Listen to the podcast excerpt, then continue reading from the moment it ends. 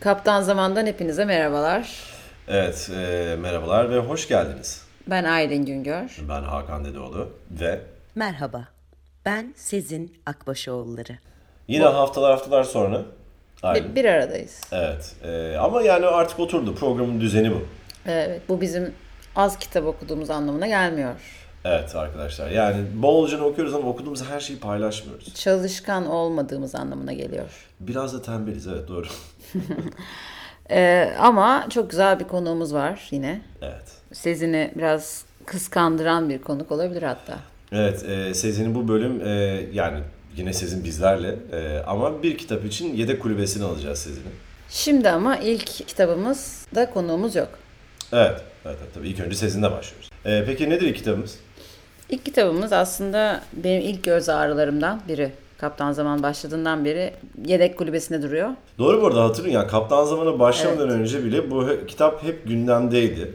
Yani hep bir e, bu çok uzun ya uzun ya deyip kenara attığımız bir durum var senin tarafından yapılan bir şey ama ben buna karşıyım onun için şimdi Ee, ya ben bir tek şeye emin olamıyorum. Hani belli bir süresi olması gerekiyor mu Sezin'in okuduğu bölümlerin yoksa bir yerden sonra sıkıyor mu? Hani e, tam çözemiyorum ve bugün işte bu kitaptan seçtiğin yerde en uzunlarından biri aslında. öyle bir tepki alırsak ay çok uzun artık bunu da yani okut dinletmeyin bize diye bir tepki verirseniz biz de artık daha kısa e, Tepki kapımızın önünde protestolarla karşılanıyoruz. yani tepkinin bin bir türlü Twitter'da, yöntemi var. Twitter'da linç yemek. Çok uzun bunlar diye. Bence sevdiysen eğer uzunluk daha güzel yani bitmesini Evet. istersin değil mi? Tabii. Hele bir de Sezin okuyorsan. Evet aynen. Bu kitap çok güzel bence Varlık yayınlarından. Ee, büyük kompozitörler e, Batı müziğinin 40 bestecisi. Kitap 1959 Nisan'ında basılmış. Faydalı Kitaplar serisinin birinci kitabıymış. Ha. 70 yıllık kitap yani aslında. Evet ve e, bu bir hediyeymiş Orhan Er Öcal'la sanıyorum. 1959'un Mayıs'ında. Kitap çıktıktan 7 gün sonra hediye verilmiş. Vay be. Ee, Orhan Bey de kitabı ilk defa 19 Mayıs 1959'da okumaya başladım diye Not düşmüş. bir not düşmüş. Orhan Bunu, Bey bunu yapanlar var mı? Var mı böyle bir şey yani? Hani şu tarihte okumaya başladım. Ben ilk defa duyuyorum bu arada. vardır bence. Yani aslında güzel bir bilgi. Hani onu ne zaman okumuş olduğum bilgisi çok iyi çünkü mesela çocukken okuduğum bir şeyi 40 yaşına geldiğinde tekrar okumak harika bir fikir. Yani Evet. bambaşka bir şey seçeceğin çok belli. Evet doğru diyorsun. Onun için bence bunu okuduğu zaman şey iyiymiş. Zaten Nisan'da basılmış da 19 Mayıs'ta hemen okunmaya başlamış. Mü- müthiş. Sonra da içindekiler bölümünde çok iyi. Doğum tarihleri sırasıyla kompozitörleri yerleştirmiş kitap. İçindeki kompozitörleri girişe böyle yerleştirilmiş. Ancak çok tuhaf yani yanında sayfa numaraları farklı. Yani sırasına göre sayfa numarasına göre yerleştirilmiş. Orhan Bey de bunların sayfa numaralarını yanlarına yazmış. Yani müthiş bir hizmet var burada. Hani Or- başka Orhan bunu... Bey Orhan Bey bayağı ilgilenmiş kitap. Orhan Bey kitabı anlayabilmemizi sağlamış bir şekilde. Evet. Yani siz sahaftan bunun başka bir kopyasını alsanız aynı derece faydalı olmayabilir. Evet. Burada bir kompozitörlerin hayatları var ama dili çok tatlı kitabın. Bu arada kompozitörler derken daha çok batı klasik müzik değil mi? E tabi yani işte Bach, e, Mozart, Beethoven, Paganini, Weber. Usual Suspects yani. Olağan şüphelerin hepsi var bu kitapta. Evet evet 40 40 tanesi yani bildiğiniz bilmediğiniz Stravinsky bir şey yani Korsakov hepsinin soyadıyla söylüyorum da burada tabii full isimleriyle var. Hikayelerini daha garip hoş bir yerden anlatıyor aslında. Biz Wagner'i seçtik. Biz değil sen seçtin. Wagner çünkü Wagner'i sen okuyup keşfettin. ben evet kötü kötücüllüğe karşı bir ilgim vardır mesela Aha. benim. Yani kötücül insanlar ya da kötücüllük üzerine merak ederim yani. Evet. Wagner'in olayı biraz oymuş. Giriş ve çıkış paragrafında çok güzel başlıyor.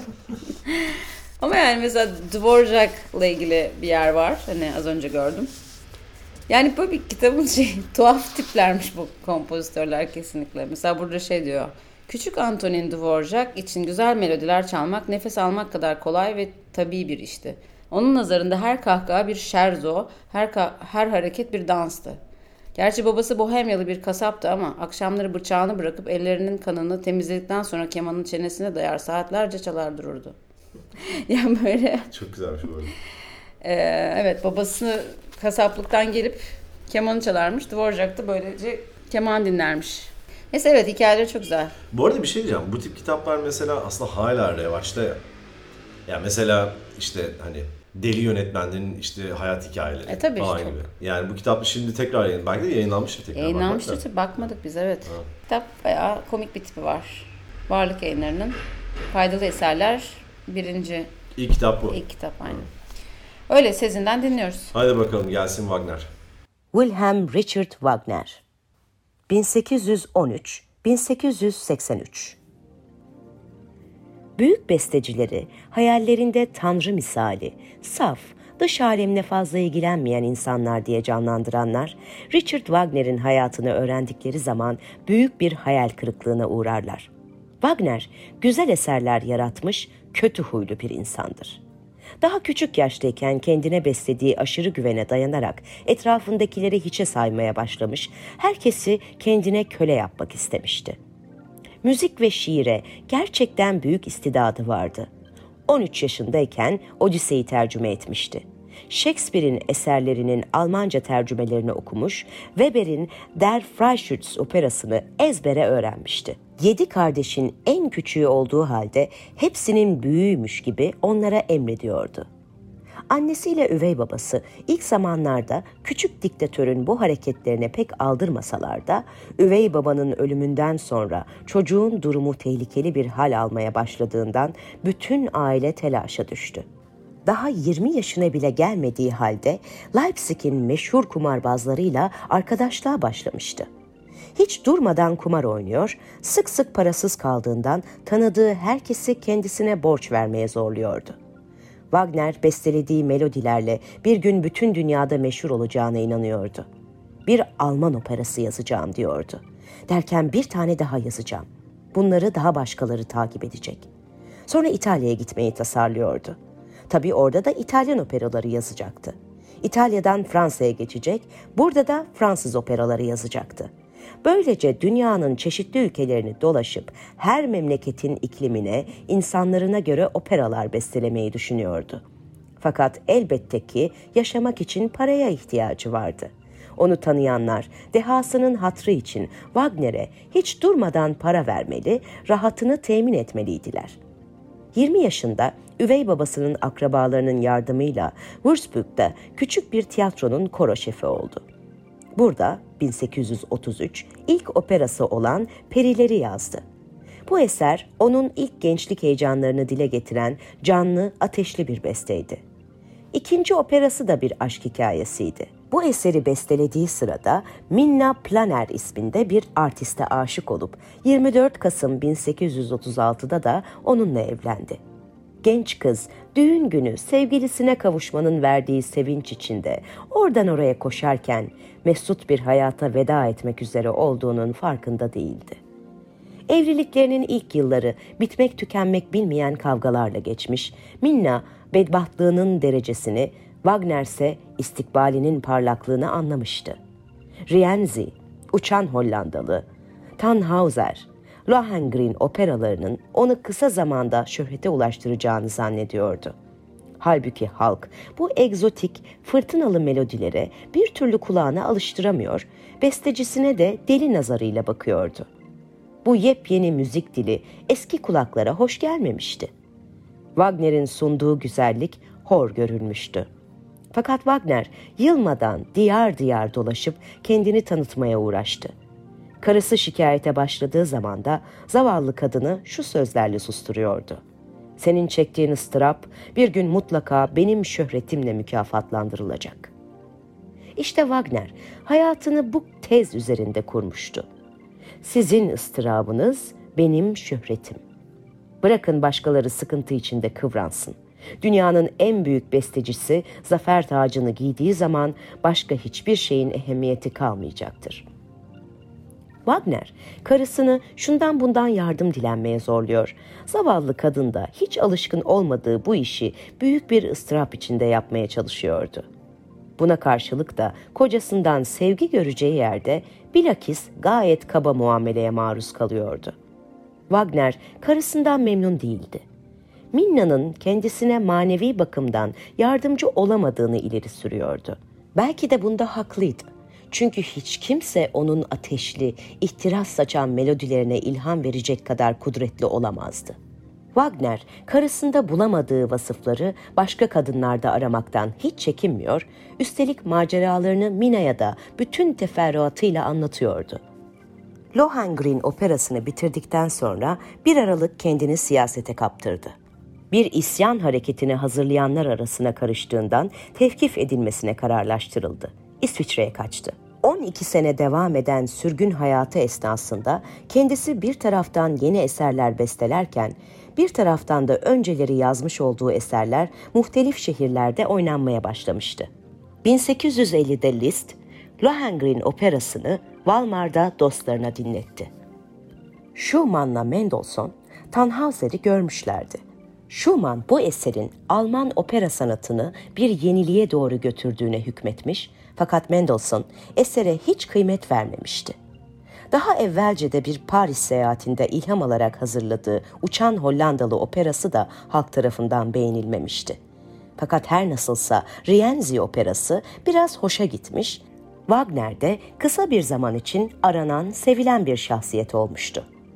Fakat şimdi artık bütün bunlar unutulmuştu. Sürgündeki besteciyi kimse hatırlamak istemiyordu. Wagner ise her şeyi bir kenara bırakmış, harıl harıl yeni eserler hazırlıyordu. Die Meistersinger ve Siegfried'in Ölümü isimli eserlerin tamamlanmasıyla bir hayli uğraştı. Zürih'teyken dosttan fazla düşman kazandı. Yazdığı şiddetli tenkitler asıl mesleğinde şöhret kazanmasına büyük bir mani teşkil ediyordu. Liszt'ten başka hiçbir besteci Wagner'i korumak cesaretini kendinde bulamıyor, daima düşmanlarının oyunlarına kurban gidiyordu. 1863'e kadar daha ziyade yazı yazmakla vakit geçirdi. Schopenhauer'ın karanlık felsefesinin müthiş tesiri altındaydı. 1855'te Londra Filarmoni Orkestrası'nı idare etti. Bundan sonra da 1859'a kadar Tristan ve Isolde isimli eseriyle uğraştı. Tannhauser'in çalınışında hazır bulunmak için Paris'e gitti. Fakat yukarıda işaret ettiğimiz gibi Wagner'in dostlarının sayısı pek azdı. Hemen herkes operanın tam manasıyla berbat olduğu kanaatine vardı. Etrafındakilerin düşmanca hareketleri Wagner'in sürgün hayatı bittikten sonra da devam etti. Die Meistersinger, Meinham'da alaka görmüştü. Besteci, iki sene müddetle Rusya'nın ve Avrupa'nın birçok şehirlerini gezerek oralarda orkestra şefliğiyle vakit geçirdi. Nihayet 1864'te Stuttgart'a geldi. Henüz tahta çıkmış olan 19 yaşındaki Bavyera kralı 2. Ludwig Wagner'i Münih'e davet etti. Tristan ve Isolde ile başlamış olduğu ringi bitirmesini istedi. Fakat Wagner rahat durmaya alışmamıştı ki. Kısa bir zaman sonra gene kaçmak zorunda kaldı. Şimdi bütün Münih halkı ona düşman kesilmişti. Gene de büsbütün yalnız kalmış sayılmazdı. Zira Hans van Bülow'la evli bulunan Litz'in kızı Cosima ona bütün kalbiyle bağlanmıştı. Zavallı Von Bülow maruz kaldığı felaket karşısında bile kibarca davranmaktan vazgeçmedi. İki sevgili Lüsörne kaçtılar. Cosima hala Bülow'la evli olduğu halde Wagner'i iki çocuk babası etmişti. Senelerce nikahsız yaşadılar. 1870 senesinde Minna'nın ölümü, Cosima'nın Bülow'dan ayrılması üzerine evlendikleri vakit Wagner 57, Cosima ise 33 yaşındaydı. Aralarındaki yaş farkına, Wagner'in anlaşılması imkansız bir adam olmasına rağmen karı koca çok mesuttu. Çünkü ikisi de bir tek insanı seviyordu. Richard Wagner'i. Wagner hayatının son yıllarında bile herkesi kendine bağlamak arzusundan vazgeçmedi. İnsanlığın onu sevmemesi için bir sebep göremiyordu. Evet Wagner ne yaparsa herkes onu taklit etmeliydi. Mesela et yememeye, sebzeyle yaşamaya karar verince dünya üzerinden et yeme adetinin kalkmasını istemişti. Tıpkı Emerson'un ideal filozofi gibi Wagner de tezatlarla dolu bir insandı. Daima ipekli bir pantolon ve ipekli bir ceket giyer, başından beresini hiç eksik etmezdi. Münih'teki evinin oturma odası beyaz tül, kırmızı ipekliler, sarı satenlerle kaplıydı. Tanıdıklarını bir an olsun düşünmeyi aklına getirmediği halde başkalarının bazen kendisine karşı düşüncesizce davranmalarına mana veremiyordu. İnsanları kendisine esir etmek istemiş, diktatör tavrı takınmış, hatta bazen de beceriksizliklerine dudak bükerek istihfafla gülmüş fakat asla insanlarla dost geçinmeye çalışmamıştır. Wagner, insanlığın kendisi gibi bir dahinin önünde secde edeceğini sanıyordu.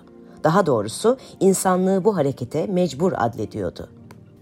Wagner'i şunun bunun yardımıyla yaşatan sanatı o devrin müzik anlayışının dışında kalıyordu. Besteci kendi müzik telakkilerini şöyle anlatmıştı. Beethoven, enstrüman müziğinde son sözü söyledi. İkinci adım şiirle güzelleştirilen müzik olmalı. Kelimeler bir şiiri ifadeye kafi gelmez. Kelimeler kök, müzikse çiçektir. Wagner daha ziyade Beethoven'ın 9. senfonisinin tesiri altında kalarak müzikli dramlar hazırlamayı düşünmüş, bundan da muvaffak olmuştur. Beethoven'ın 9. senfonisi dramatik bir senfoni, Wagner'in operaları ise senfonik dramlardır. Wagner'in operalarında karakterler ve vakaların geçtiği yerler müzikli tasvir edilir. Onun eserlerinde asıl iş orkestraya düşer. İnsan sesleri orkestraya yardımcı kalmaktadır. Wagner yepyeni bir hayat felsefesi, müzik anlayışıyla beşeriyetin karşısına çıktığı için dehasını kabul ettirmekte güçlük çekti. Bugün bile Wagner operaları gerek mevzu gerekse melodi bakımından birçok kimselere ağır gelmektedir. Bilhassa bu operaların büyük bir ekseriyetinin sahnede temsili çok zordur. Görülüyor ki Wagner karakter bakımından hiç de gıpta edilecek bir insan değildi.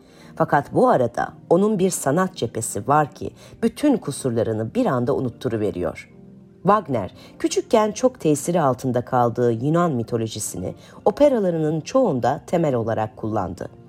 Eserlerinden çoğunun konusu hakiki hayata uymayan hayali vakalardır ve dinleyiciyi mistik bir hava içinde bilinmeyen ülkelere, acayip insanların arasına götürür. 1872'de Wagner'in o sonsuz hayallerinden biri hakikat oldu. Beyrut'ta festival tiyatro binasını kurdu, meşhur Beyrut festivallerinin ilk tohumunu attı. Bina dört sene sonra tamamlandı ve ilk defa Wagner'in Die Nibelungenring'i temsil edildi. Bu temsil müzik tarihinin en önemli hadiselerinden biri oldu. Wagner o mesut geceden sonra beş buçuk sene daha yaşadı. Devrin en büyük piyanist ve bestecilerinden biri olan kayınpederi Liszt'le nedense bir türlü anlaşamamıştı. Kısa bir dargınlıktan sonra kızının kocasına elinden gelen yardımı esirgememeye kararlaştıran Liszt'in iyi niyetle yaptığı her hareket Wagner'le karısı tarafından daima fena karşılanıyordu. Liszt, Wagner'i dünyaya tanıtmaya ne kadar uğraştıysa Wagner de Liszt'i hayranlarının gözünden düşürmeye o kadar çalıştı. 13 Şubat 1883'te kalp sektesinden öldüğü zaman yanında karısından başka kimse yoktu. Tanıdıkları arasında da ölümüne hemen hemen Liszt'ten başka kimse üzülmedi. Öyle. Wagner de böyle bir adammış. Berbat bir. Liszt niye üzülmüş ben onu anlamadım. Evet sırada konuğumuz var. Evet konuğumuza merhaba diyelim. Evet konuğumuz kendi bir takdim etsin bakalım. Merhaba konuğumuz. Merhabalar. Ben Aslı İnandık. Merhaba Aslıcığım. Sezin merhaba. Evet bugün Aslı inandık e, programın konu. E, Aslı'ya ne okuttuk bugün? Şimdi biraz onu anlatalım. E, 1929 yılından e, Arkadaş isimli bir dergiden bir makale okuyacak Aslı bize. E, 43. sayısı 17 Nisan 1929'da yayınlanmış. Evet tesadüfen Nisanları bulmuşuz. Aa evet doğru diyorsun. Hem de Nisan ayındayız bak. Evet. Her hafta çarşamba günleri çıkıyormuş zamanında ve 5 kuruşmuş fiyatı. Elimizde tuttuğumuz 43. sayısında kapağında bir papağan ve çeşitli politikacılar var. Almanya'da piyango numaralarını bu papağan çekiyor diye de başlık atmışlar e, papağanın altına. Gerçek mi acaba? Bilmiyorum okumak lazım. Sanıyorum. Yani aslında biraz şey gibi e, bizim zamanımızda aktüel ve tempo dergileri vardı ya. Yani işin içinde siyaset de olurdu, kültür de olurdu. İşte biraz böyle e, şey dedikodu gazeteciliği de olurdu. Evet ama bu bayağı çocuk dergisi gibi tasarlanmış. Ve ismi Arkadaş ve arkadaşça konuşalım. Bir de kocaman fontlar gerçekten. İlkokul 1 gibi Yani kocaman. o dönemin tamam ya mesela atıyorum dergide şöyle detaylar var. Kürkü yutan adam diye bir makale var. Kısacık bir makale. İşte sirklerde cam çiğneyen falan adamlardan bahsediyor. Demek ki o dönemlerde bayağı popülermiş bu tip sirk numaraları. Ee, ama bir kürk paltoyu komple yiyen adamdan bahsediyor. Ee, ve bir iddia üzerine yapmış bunu. Mesela hemen yan sayfada Viyana barlarından bahsediyor. Viyana'da bu arada bu makale çok acayip çünkü bir ara belki bunu okuruz. Onun için çok detaya girmeyeceğim ama Evet. mutlaka. ee, yani bir Dünya Savaşı'ndan hemen sonra Viyana'da yeni açılmış bir bardan bahsediyor. Ee, barın detaylarına girmeyeceğim ama çok acayip bir bar. Gibi. Gibi böyle böyle. Bu kadar söyledikten sonra biraz girse miydin acaba? Yok ya. Saklayalım. Elimizdeki tüm cephaneleri harcayamayız hali. evet mesela işte atıyorum derginin arkasında küçük fıkralar falan filan var. Ütü şeridi diye bir reklam var gördün mü reklam? Ne, ne o? Bilmiyorum nedir acaba? Ütü şeridi sayesinde artık pantolonlarınızı ütülemek zahmetinden kurtulmuş olacaksınız. Evliler, bekarlar, zabitler, memurlar ve gençler, pantolonun ütüsüzlüğünden şikayet edenler veya her gün ütülemek mecburiyetinde bulunanlar, ütü şeridi sizi bu zahmetten kurtaracaktır. Ütü şeridi. Ütü şeridi nedir acaba? Kızgın ütüler altında yanması ve havlarının dökülmesi korkusu kalmamıştır. Bu şeridi bir defa pantolonlarına tatbik edenler artık aylarca ütüsüzlük üzüntüsünden kurtulmuş olacaklardır. Fransız mamulatı olup Fransa Ticaret Mezareti'nin numerolu ihtira beraatının hayizdir. Ütü şeridi. Vay be. En mühim icadıdır son senelerin. Pantolonu asla bozmaz, yerini katiyen belli etmez. Pantolona ta- tatbiki kolay ve zahmetsizdir. Abi reklamcılık her zaman aynıymış. Pek iddiadan ibaret Ütü yani. şeridi bayağı önemli bir detaymış. Niye hiç bilmiyoruz ütü şeridi? Nedir ütü şeridi? Bilmiyorum. Yani programdan sonra bir bakalım belki biz de alırız. Böyle bilgilerin Evet. olduğu. Evet böyle bilgilerin olduğu haftalık bir dergi. Şimdi Aslı arkadaşımız bizce çok tatlı olan bir bölümü e, seslendirdi. Evet, bizi güzel veya çirkin gösteren biraz da ayaklarımızdır. İsimli makaleyi dinliyoruz şimdi. Dinliyoruz. Bizi güzel veya çirkin gösteren biraz da ayaklarımızdır. Bilmem hiç dikkat ettiniz mi? Ayaklarının vaziyetlerine ehemmiyet veren insanların oturuşlarında başka bir hususiyet vardır. Pek çok insanlar ayaklarının vaziyetlerine ehemmiyet vermezler ve gelişi güzel otururlar. Kısa etek modası çıktı çıkalı bilhassa kadınlar ayaklarının vaziyetlerine ehemmiyet vermek mecburiyetinde bulunuyorlar. Güzel insanlar ancak güzel vaziyette bulunduğu takdirde nazarı dikkati celbederler. Tramvaylarda, vapurlarda sık sık görüyoruz. Bazen o kadar güzel ayaklara sahip olan kadınlar biçimsiz oturuşlarla bu güzelliği ihlal ediyorlar. Bu sahifeye derc ettiğimiz resimler ayaklara verilecek güzel ve çirkin vaziyetleri gösteriyor. Resimlere dikkat edecek olursanız güzel oturuşların bazen çirkin ayakları bile güzel gösterdiğini görürsünüz. Ha, güzel oturuş kadınlar için olduğu kadar erkekler için de vakidir. Bazılarımız ayaklarımızı öyle biçimsiz ve manasız surette uzatırız ki karşımızdakini adeta tahkir ederiz. Ayaklarımıza verdiğimiz fena şekiller her oturuşumuzu çirkin gösterirler. Ha hem de terbiye noksanımızı meydana vurur. Bir Amerikalı profesörün şu mütalasını zikretmeden makalemize nihayet vermeyelim. Bu profesör diyor ki, güzel olmadıkları halde ayaklarına güzel görünecek şekilde bir vaziyet veren kadınların daha kolaylıkla kendilerini erkeklere sevdirdiklerine şahit oldum. Asrımız erkekleri güzel duran ayakları güzel duran bir yüze tercih ediyorlar. Evet, harika bir seslendirme oldu. Aslı çok sağ ol gerçekten de. Ee, Ne zaman istersen bekleriz. evet, bence daha daha sık yapmalıyız bunu gibi geliyor bana. Sezine e, büyük bir rakip çıktı şu anda. Evet. Evet.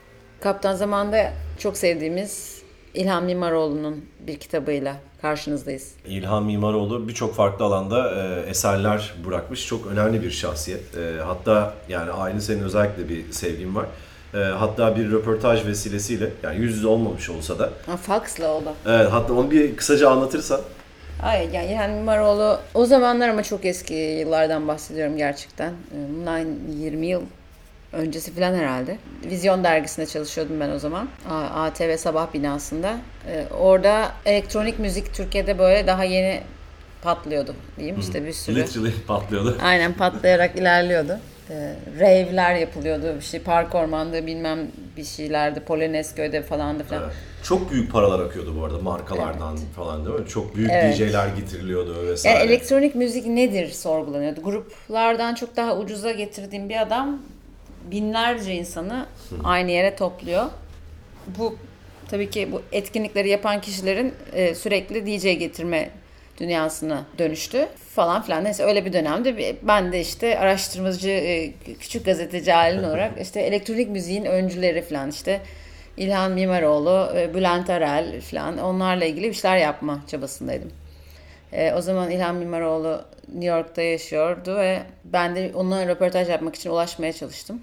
Bir şekilde Pan yayıncılık kitaplarını basan yayıncılık. O da Beşiktaş'ta Kara Yıldız'a çıkarken sağda görürsünüz. Pencerede Pan yayıncılık diye. Oradan bütün kitaplarını bana gönderdiler. Hala çok mutluyum. Ve röportaj ayarlandı bir şekilde. Fakat Güngör Hanım'la e, eşiyle e, irtibat kurabildim. Ve e, fax aracılığıyla bizi buluşturdu Güngör Hanım. Çünkü e-mail kullanmıyor. İşte Türkiye'ye gelemiyordu. Uçağa binemiyordu. Yani uçağa aslında binmeme sebebi sanırım sigara içemediği içindi. Evet. Bir şekilde ayarlamaya çalıştılar. Belki ayarladılar bilmiyorum. Kokpitte sigara içerek izinli bir şekilde falan. Neyse onlar doğru da olmayabilir ama e, böyle bir bir dönemi oldu. Şimdi de belgeseli var. Evet ya bu arada bence röportaj yapmış olman çok güzel bir belge senin için yani. Evet Ee, evet faksla olduğu için çok e, kapsamlı bir röportaj değil. Hani yüz yüze olabilseydi tabii çok iyiydi E, ama tabii. Ama o faks da bir yerlerde duruyor ve çok mesela bu günümüzde olsaydı Zoom üzerinden yapardınız belki de. o İlhan Mimaroğlu bence o Zoom yapmaz. Doğru doğru lafımı geri alıyorum. Evet. Evet. e, Ama İlhan Mimaroğlu'nu merak ediyorsanız az önce daha fazla merak ediyorsunuz yani hayatını, eserlerini vesaire. Aylin az önce söylediği gibi. çok güzel ve özel bir belgeseli var şu anda. Evet ve Ee, Mubi'de, Mubi'de var. Mubi'de var. Ee, Mubi'den izleyebilirsiniz. Ee, peki bir şey diyeceğim. Bu şu an elinde tuttuğun kitap. Bu kitap minicik bir kitap aslında. Evet, hatta böyle A6. küçük küçük bir not defteri büyüklüğünde. Değil mi? A6 falan herhalde bu A5'in yarısı gibi bir Evet. boyda. Ee, Yokistan tasarısı kitabın Peki ismi. bu Pan yayınları sana gönderdiği kitaplar arasında mı vardı yoksa sen onu ayrı mı aldın? Vardı vardı evet. Ha, oradan bu yani. Pan yayınlarında bütün kitapları var. Uzun yıllar köşe yazarlığı yaptığı için köşe yazılarının kitapları da var. İşte New York'taki günceleri var. Günsüz Evet. Günce diye çok güzel bir kitabı var. E, çok tavsiye ederim yani. Bu harika insanla, bu e, antika e, kahramanla tanışmanızı çok isterim. Bu Güzel da onun- özetledin bence burada antika kahraman. Evet benim en sevdiğim tarz insanlardan yani. Beyin biraz fazla çalışıyor ve fazla geliyor bu dünyaya. Aslında bu kitapta biraz onun e, o fazla gelen beyninin hazırladığı bir şey. Anayasa aslında. Yokistan tasarısı isimli. Yokistan ülkesinin Evet. Varistan olmadan önceki halinin anayasası gibi bir durum. Evet, dünya dünyaya gıcık olmuş İlhan Mimaroğlu'nun eee, yani bir ülke olsaydı işte böyle olurdu diyerek yola çıktı. Evet. Yani ön sözünü e, okuyacak Sezin bize. Orada zaten daha uzun anlatıyor. Geçmiş çabaların da başarısızlığı. Aslında teknolojiyle ve gelecekle birlikte bir sürü düşündüğün şey eskimiş oluyor ya. Hani Evet. Seni boomer yapıyor şimdi bir şey yapıyor. İşte öngörülü olman gerekiyor ki hani güncel kalabil. Evet. Birçok kitap güncel kalamamış aslında bir şekilde. Her neyse ben de arka, en arkadaki notu okuyabilirim. Ütopya yok yer, olmayan yer anlamıyla yeni Latinceden gelir. Kaynağı Grekçenin ou ve yani yok ve hayır demek ve topos yer sözcükleri. Dolayısıyla Türkçe'de kullanılan Ütopya sözcüğü yerine Yokistan. Elinizdeki el kitabında İlham Mimaroğlu olmayan ama olabilecek en iyi yerin nasıl bir yer olması gerektiğini tasarladı. Çok güzel. Buradan sonrasını Sezin'e bırakıyoruz o halde. olmaması gereken dünyaların en kötüsünde yaşamak zorunda kalmak, yakın ya da uzak geçmişlerde olduğu gibi olabilecek dünyaların en iyisini düşünme dürtüsünü sağlıyor. Geçmişlerin birbirini izleyen kötü dünyalarında iyi dünyaları düşünenler, tasarladıkları iyi dünyaların kusursuzluğuna ancak çağların ilerlemesiyle yaklaşabilmişlerdi.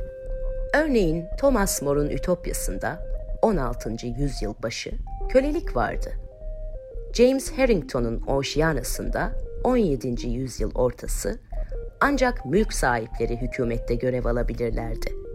Ebb Morley, Kod Naturası'nda öncekilerden çok daha ileri bir toplum görüşü sunuyordu. herkesin yeteneğine göre çalışıp gereksinlerine göre alması gibi eksik ve kesinliksiz bir öneri 100 yıl sonra komünizmin ilkelerinden biri olmuştur.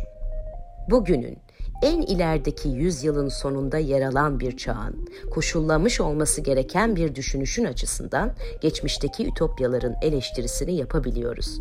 Ve önerdiğimiz Yokistan'ın gelmiş geçmiş ütopyaların en iyisi olduğu yargısıyla tasarımımızı sunuyoruz.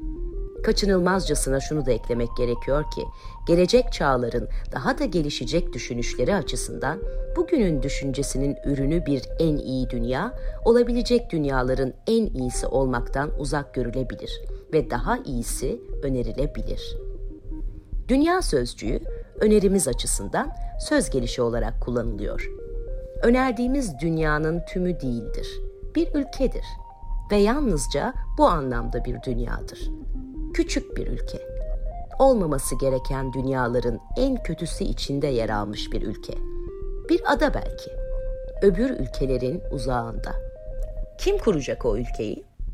Belki birkaç kişi. Nerede? Havası, suyu iyi bir yerde. Öyle bir yerde bir toprak parçası satın alıp bir kulüp kurar gibi kuracaklar belki.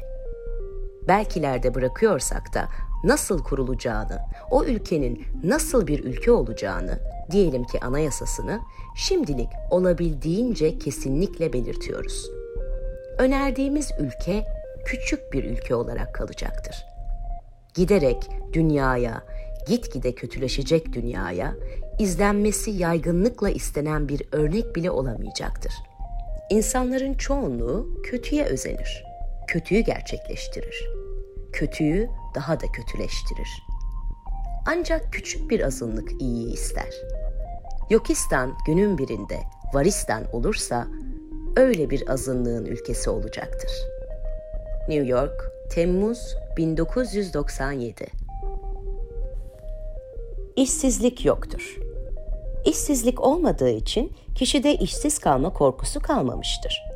Kişi kendini çalışmak zorunda kalmış saymaktan da kurtulmuştur. Çalışmayı bir yüküm değil, hem ömrüne tümüyle anlamını veren hem de işinden arta kalan sürelerin değerlenmesine olanak sağlayan temel koşul olarak görür. Emeklilik yoktur. Kişi ömrü boyunca çalışır. Yaşlandıkları için bazı işleri göremeyenler kendi yeğlemelerinin yöneticilerin önerileriyle ve sundukları seçeneklerle bağdaşlaştırılması yoluyla ilerlemiş yaşlarında başarabilecekleri başka işlere atanırlar. Emekliliğin olmaması, yaşlanmış kişiyi kendini işe yaramaz duruma düşmüş olarak görmekten kurtarmış olur. Aile yoktur. Toplumun birimi aile değil, bireydir. Toplum kavramı ancak bir genelleme, bir soyutlama olarak kullanılır. Ülkenin yönetiminin odağı nesnel varlık bireydir. Kişi tüm ekonomik eşitliğiyle bireysel özelliklerini geliştirme olanağını bulmuştur. Geleneksel toplumlardaki birey anlayışının tersine hiçbir birey ekonomik bakımdan öbüründen daha üstün ya da daha aşağı olamaz. Kişilere kimlikleri bireysel olarak verilir anne ve baba adları kimlik kartında değil ancak gerektiğinde kimlik doğrulamaya yararlı bilgiler olarak nüfus kütüğünde yer alabilir. Aile olmadığı için geleneksel ailenin bütün üyeleri kardeş, torun, büyük anne, büyük baba, amca, teyzeri ve benzeri ve bunlarla oluşan soy zincirleri toplumsal ve yasal olarak özellikle ekonomik bakımdan yok bilinirler. Aile olmayışının öncül koşulu olarak evlilik de yoktur. Spor yarışmaları, karşılaşmaları yoktur. Spor ancak beden eğitimine faydası oranında vardır. Yarışmasız bir ülkede, kaybedeni olmayan ve herkesin eşit olarak kazandığı bir ülkede yarışmanın, kazanmanın ve kaybetmenin, yenmenin ve yenilmenin kural olduğu spor oyunlarının tümüyle kaldırılması gerekmiştir. Böylece sporun kişiyi hoyratlığa, kabalığa ve saldırganlığa sürükleyen etkisinden de korunulmuştur.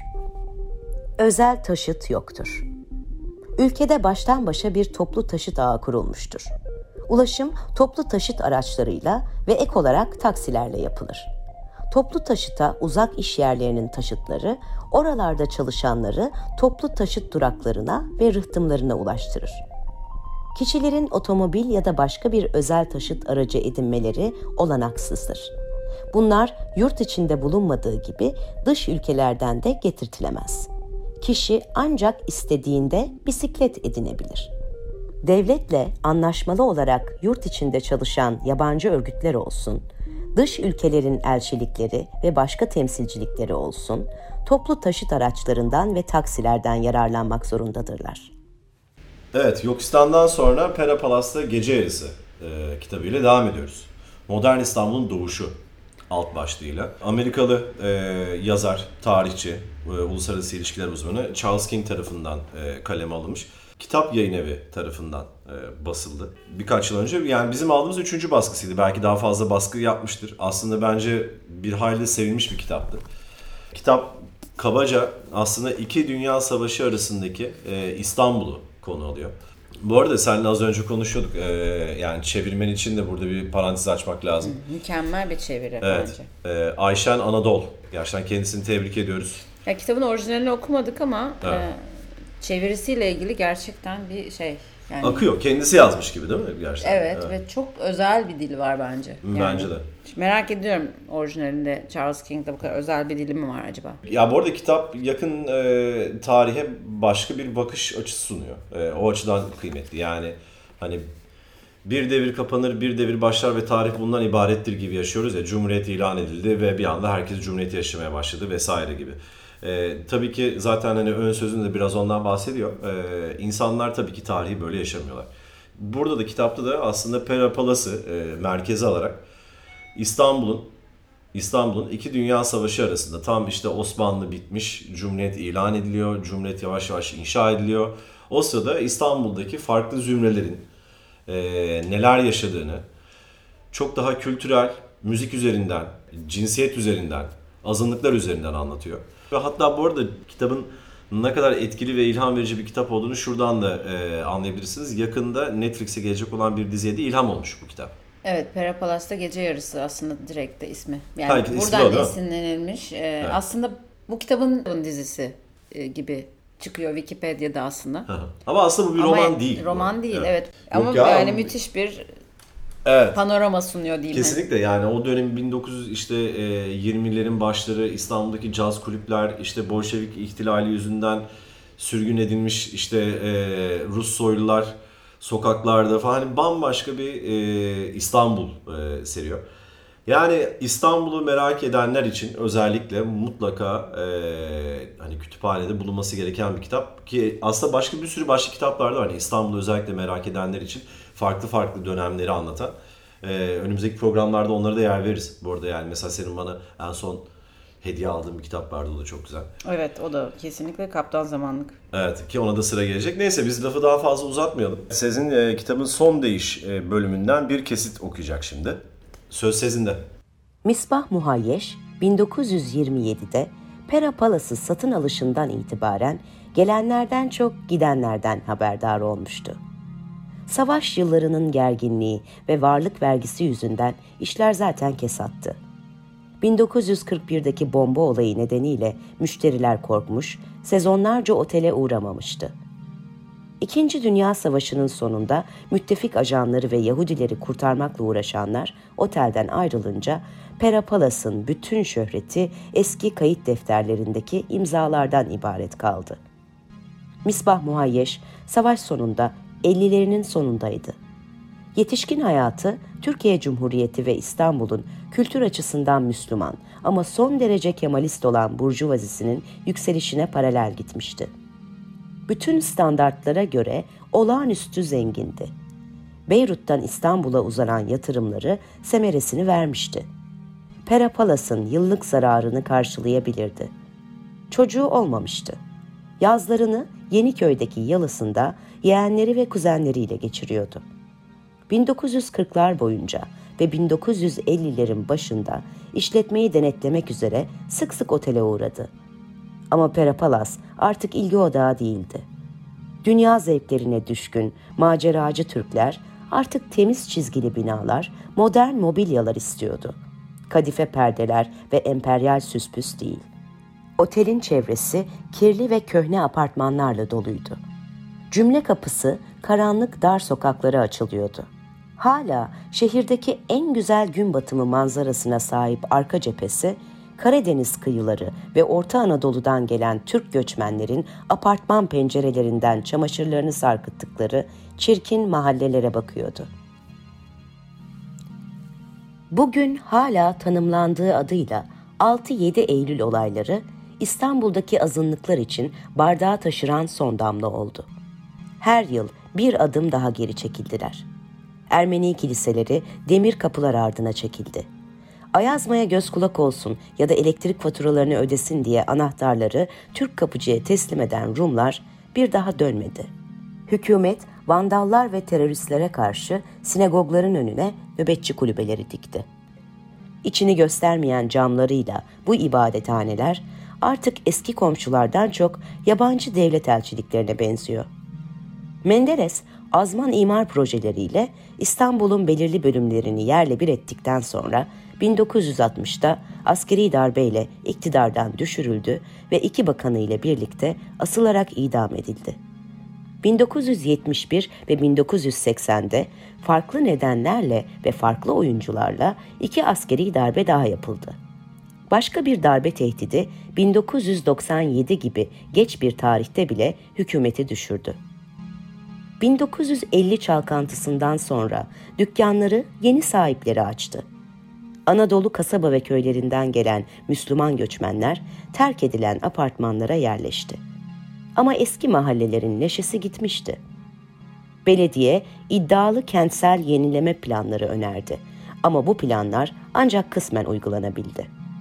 Pera'da her an arsasına fazla büyük gelen yeni bir bina ortaya çıkıveriyordu. Ama o da çevresinde dökülen sıvaları, bel veren çatıları saklayamıyordu.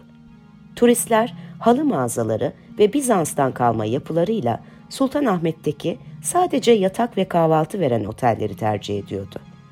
1979'da Kaliforniyalı bir medyum olan Tamara Rand, Agatha Christie'nin Pera Palace'ın 411 numaralı odasında çok büyük bir sır sakladığına dair bir hayal gördüğünü söyledi. Hikaye gazetelerde ballandırılarak yazıldığından bir süre otelin işleri arttı. Sırrın ne olduğunu merak edenler otele koşmuştu.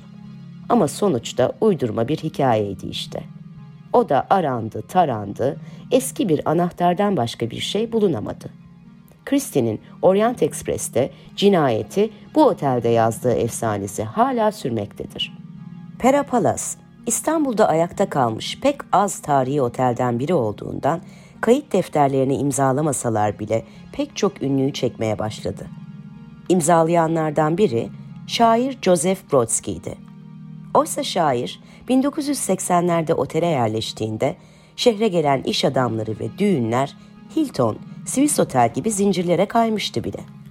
Brodsky sokaklarının eğri büğrü, pis, korkunç döşeme taşlı ve çöp içinde olduğunu gözlemlemişti. Pera Palace'ın mermer basamaklarında üç kedinin dev bir fareyi parçaladığı kabus gibi bir manzara gördüğünü yazıyordu. Modern Avrupa tarihine iki tavır egemendir. Milli ve melankolik. İkisi de bir biçimde kurmacadır. Milli tarih bizden insanoğlunun iskambil kağıtları gibi üst üste yığılmış, olanaksız denecek kadar çeşitli tecrübelerini alıp milli olanı çekip çıkarmamızı ister. Dikkatimize değer olanlar, halkın bayrağını yükseltip kolektif bir geçmişi paramparça ettiği bu nadir anlardır. Melankolik olansa bizden her hikayeyi karanlık çökerken bitirmemizi ister.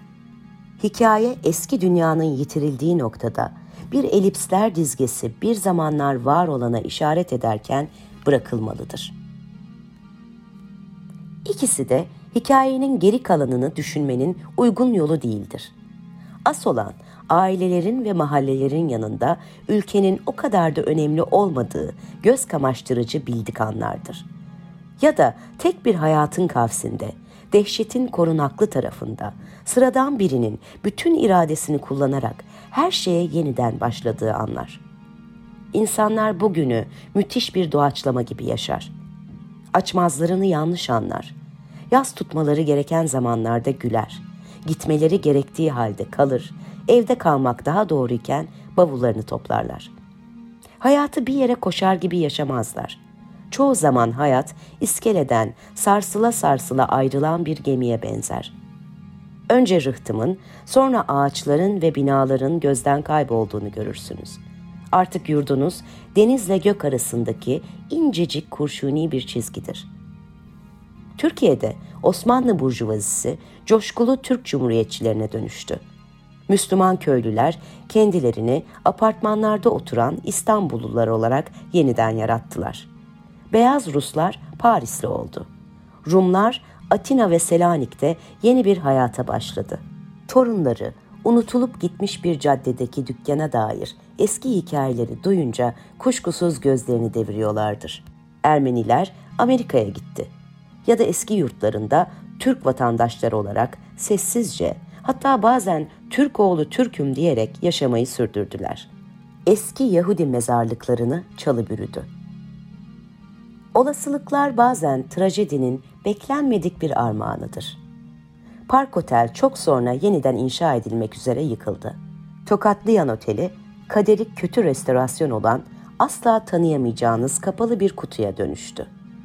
Moskovit, Garden Bar, Türkuvaz artık yok. Kozmopolit Selanik'ten gelen eski Müslüman muhacirler topluluğunun, Nazım Hikmet'ten Atatürk'e modern Türkiye'nin kurucularının yerini Doğu Anadolu ve Karadeniz kıyılarından büyük umutlarla akın akın gelen göçmenler aldı. Halide Edip'le Keriman Halis, modernliğin bir işareti olarak başörtülerini çıkarmışlarken, bugün bazı İstanbullu kadınlar başlarını İslami feminizmin, Cumhuriyet'in ilk yıllarındaki layık reformcuların sağladığı tercih özgürlüğünün ilanı olarak örtüyorlar. Ruslar hala caddelerde bir aşağı bir yukarı yürüyor.'' Ama artık muhtaç birer mülteci değil, meraklı turistler olarak. İstanbul'un Rum, Ermeni, Yahudi ve Levanten toplumları Grand Ru'da bir sorunun bir dilde sorulup başka bir dilde cevaplandığı günlere göre çok azaldı. Eski Hristiyan mahallelerinde kilise bekçileri çanları hala sabah 8 ve akşam 5'te çalıyor. Ama duaya davet için değil, hatırlatmak için. Ama şehrin global bir merkez ve cilalı bir metropol olarak yeniden doğduğu günlerde İstanbul'un o caz ve sürgünlük çağını tanımlayan eski şaşalı yapılar hala orada. Perapalas artık eski kimliğinin yeniden icat edilmiş bir hali. Dubai'li bir şirketin yönetiminde göz kamaştıran beyaz balo salonu terütaze oldu. Demir döküm asansörü yeniden kuruldu. Yalancı mermerler yeniden boyandı. Artık otel hepimizin, göçmen giden yerlilerin ve yerlileşen yeni gelenlerin sonuçta sadece birer emanetçi olduğu gerçeğinin çarpıcı bir anısı.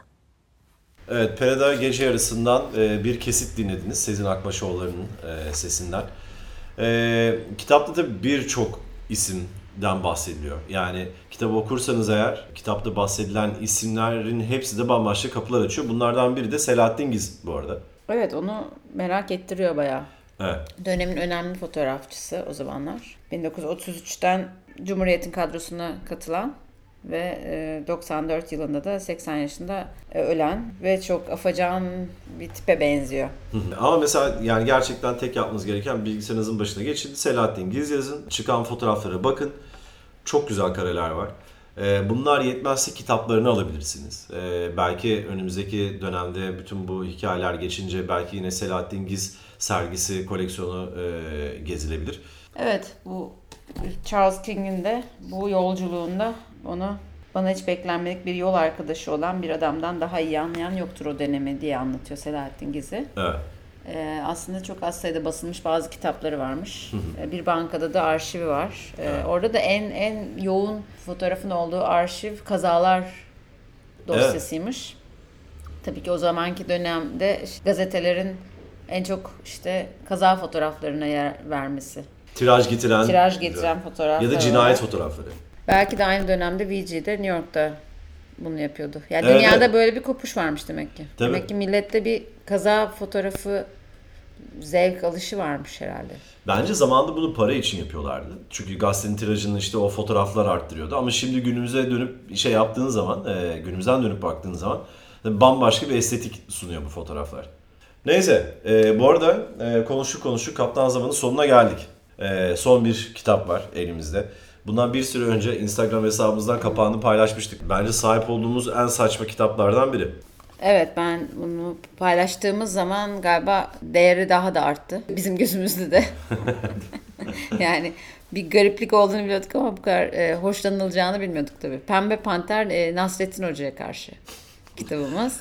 Müthiş Evet. bir kapağı var. Yani yazan Ayşe Baki imiş. Harika bir fikir bulmuş. Evet yani Nasrettin Hoca fıkralarını Pembe Panter'le harmanlamaya karar vermiş. Bunlar ikisi böyle bayağı kanka oluyorlar. Beraber okula gidiyorlar. İşte başlarından bir olaylar geçiyor ama hepsi böyle e, bölüm bölüm şey gibi. Birer fıkra gibi.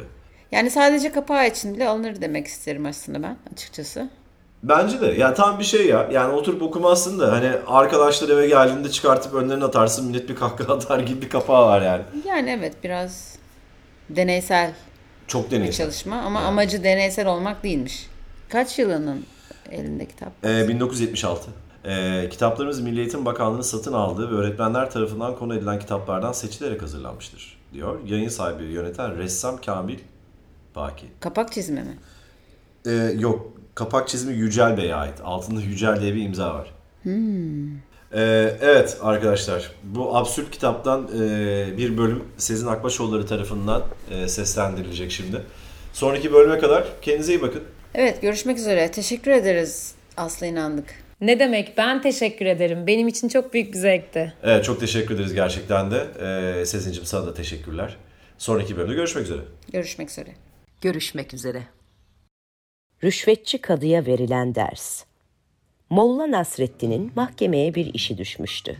Bir ilam çıkartması gerekiyordu fakat mahkemeye bakan kadı işi uzattıkça uzatıyordu. Arkadaşları işinin çabuk görülmesi için kadıya bir hediye götürmesini salık verdiler. Molla Nasreddin adalet işlerinde böylesine bir davranışı hem kendisine yakıştıramıyor, kadıya da çok görüyordu. Ne yapması gerektiğini düşünüp dururken Pembe Panter bir fikir ileri sürdü. Bu kendini bilmez kadıya güzel bir ders verelim dedi. Nasıl bir şey? Sen onu bana bırak. Ne yapacaksın? Bana bırak dedim ya, bekle bak. Pembe Panter çarşıdan orta boyda bir küp aldı. Küpün içini çamurla doldurdu. Sonra bir parça petek balı alarak çamurun üzerini balla kapladı. Molla Nasreddin'e yaptıklarını anlattıktan sonra haydi şimdi bunu götür kadıya ver dedi. Nasreddin küpü alıp kadının huzuruna çıktı. Kadı yastıklara dayanmış çubuğunu tüttürüyordu. Molla Nasreddin küpü kadının kolaylıkla görebileceği bir yere bıraktıktan sonra derdini anlatmaya başladı. Kadı onu dinliyor gibi görünüyordu ama aklı ve gözü hep küpteydi. Kehribar sarısı balın parıltısını gören kadı istenilen ilamı çabucak onaylayıp verdi. Nasreddin'le Pembe Panter neşe içinde oradan ayrıldılar. Davacılar gittikten sonra kadı küpü tekrar kontrol etti. Küpün ağzındaki balı görüp aldandı. Katibine vererek küpü eve götürmesini söyledi. Akşam üzeri evine döndüğünde bal küpünü istedi. Taze bal iştahını kabartmıştı. Kaşığı alıp yemek için içine daldırdı. Fakat kaşık çamurla doldu. Aldatıldığını anlayan kadı küplere bindi. Ertesi günü katibini çağırdı. Hemen git Molla Nasreddin'i bul. Dün verdiğimiz ilamda ufak bir hata yapmışız. Onu düzelteceğimi söyle diye emir verdi. Katip gelip Nasreddin'i buldu. Molla Kadı Efendi ilamı geri istedi. Ufak bir yanlışlık olmuş. Onu düzeltecek dedi. Nasreddin buna güldü. Git bizden Kadı Efendi'ye selam söyle. Yanlışlık ilamda değil, bizim bal küpünde olmuştur. Biz ilamdaki yanlışlığı düzelttik. Kendisi de bal küpündeki yanlışlığı bulup düzeltsin cevabını verdi. Pembe panter de katibin yüzüne bakıp gülüyordu. Katip sinirlendi. Sen ne gülüyorsun dedi. Pembe panter. Haram her zaman bal gibi tatlı olacak değil ya. Bazen de böyle çamur gibi olur. Kadı efendiye söyle de bunu kulağına küpe yapsın dedi. İki gün sonra kadının tası tarağı toplayarak görevinden ayrıldığını duyan herkes Molla Nasreddin'le Pembe Panter'i kutladılar. Müzik